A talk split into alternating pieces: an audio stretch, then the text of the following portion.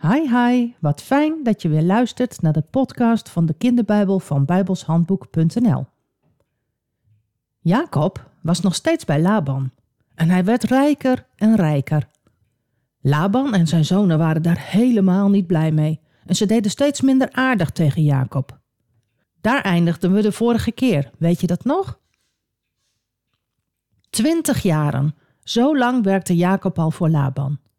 Eerst zeven jaren voor zijn vrouw Lea, daarna zeven jaren voor zijn lievelingsvrouw Rachel en toen nog eens zes jaar om een kudde voor zichzelf bij elkaar te sparen. Die kudde bij elkaar sparen, dat was goed gelukt. Maar Jacob kreeg steeds meer heimwee naar huis. Zeker nu zijn oom helemaal niet meer aardig tegen hem deed. Hij was best wel een beetje bang voor zijn oom geworden. Maar het idee om terug te gaan naar huis, dat vond Jacob ook best wel spannend. Hij was namelijk ook erg bang nog voor zijn broer Esau. Zou Esau nog steeds zo boos zijn? Zijn broer was twintig jaar geleden zo boos op hem dat hij Jacob wilde doden, hè? Weet je dat nog? Daarom was Jacob gevlucht. Voor wie moest Jacob nu banger zijn? Voor Esau of voor Laban? Wat moest hij nou doen? Jacob wist het niet. Toen sprak de Heere God tegen Jacob. Hij zei: Keer terug naar het land van je familie, Jacob, en ik zal bij je zijn. Oh, gelukkig. Als God dat tegen mij zegt, dan zal het vast wel veilig zijn om te vertrekken, dacht Jacob, opgelucht. Hij riep Lea en Rachel bij zich en zei: Jullie weten dat ik heel lang en heel hard voor jullie vader heb gewerkt, en toch heeft hij mij wel tien keer bedrogen. Steeds beloofde hij mij iets als loon voor mijn werk en dan gaf hij mij steeds iets anders. En toch bleef het goed gaan met mij. Daar zorgde God voor. Maar nu, nu doet jullie vader niet meer zo aardig. God heeft nu tegen mij gezegd dat ik moet vertrekken, terug naar Canaan, naar mijn familie. Willen jullie met mij meegaan? Rachel en Lea hoefden daar niet lang over na te denken.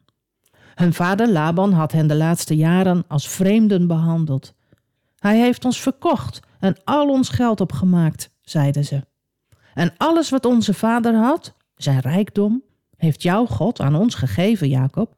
Daarom doe alles wat jouw God heeft gezegd en wij gaan met jou mee. Maar zomaar vertrekken, dat durfde Jacob niet. Laban zou proberen hem tegen te houden. Jacob wachtte tot het juiste moment.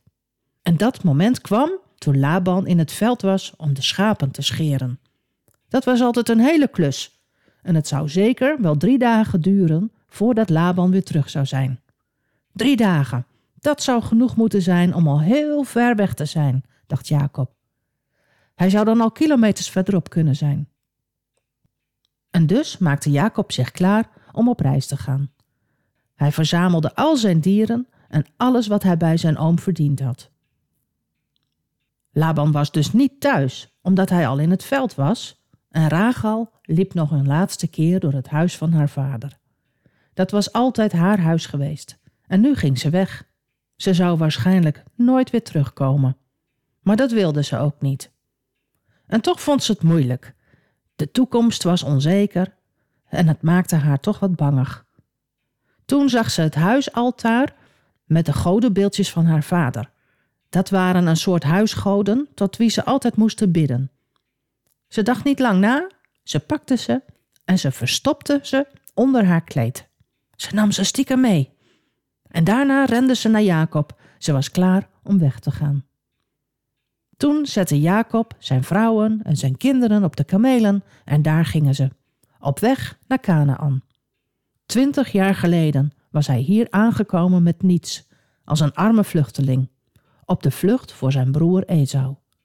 En nu vertrok hij als een zeer rijke vluchteling, op de vlucht voor zijn oom Laban. Zo snel als mogelijk vertrokken ze in de richting van het bergland van Gilead. Het was dezelfde weg die zijn moeder Rebecca lang geleden ook was gegaan. En God wees hem de weg.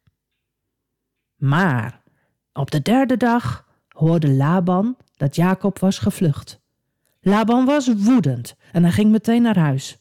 En daar ontdekte hij ook nog eens dat de godenbeeldjes weg waren. Hij werd nog kwaader dan kwaad. Zo snel als hij kon, riep hij zijn familie en zijn mannen bij elkaar.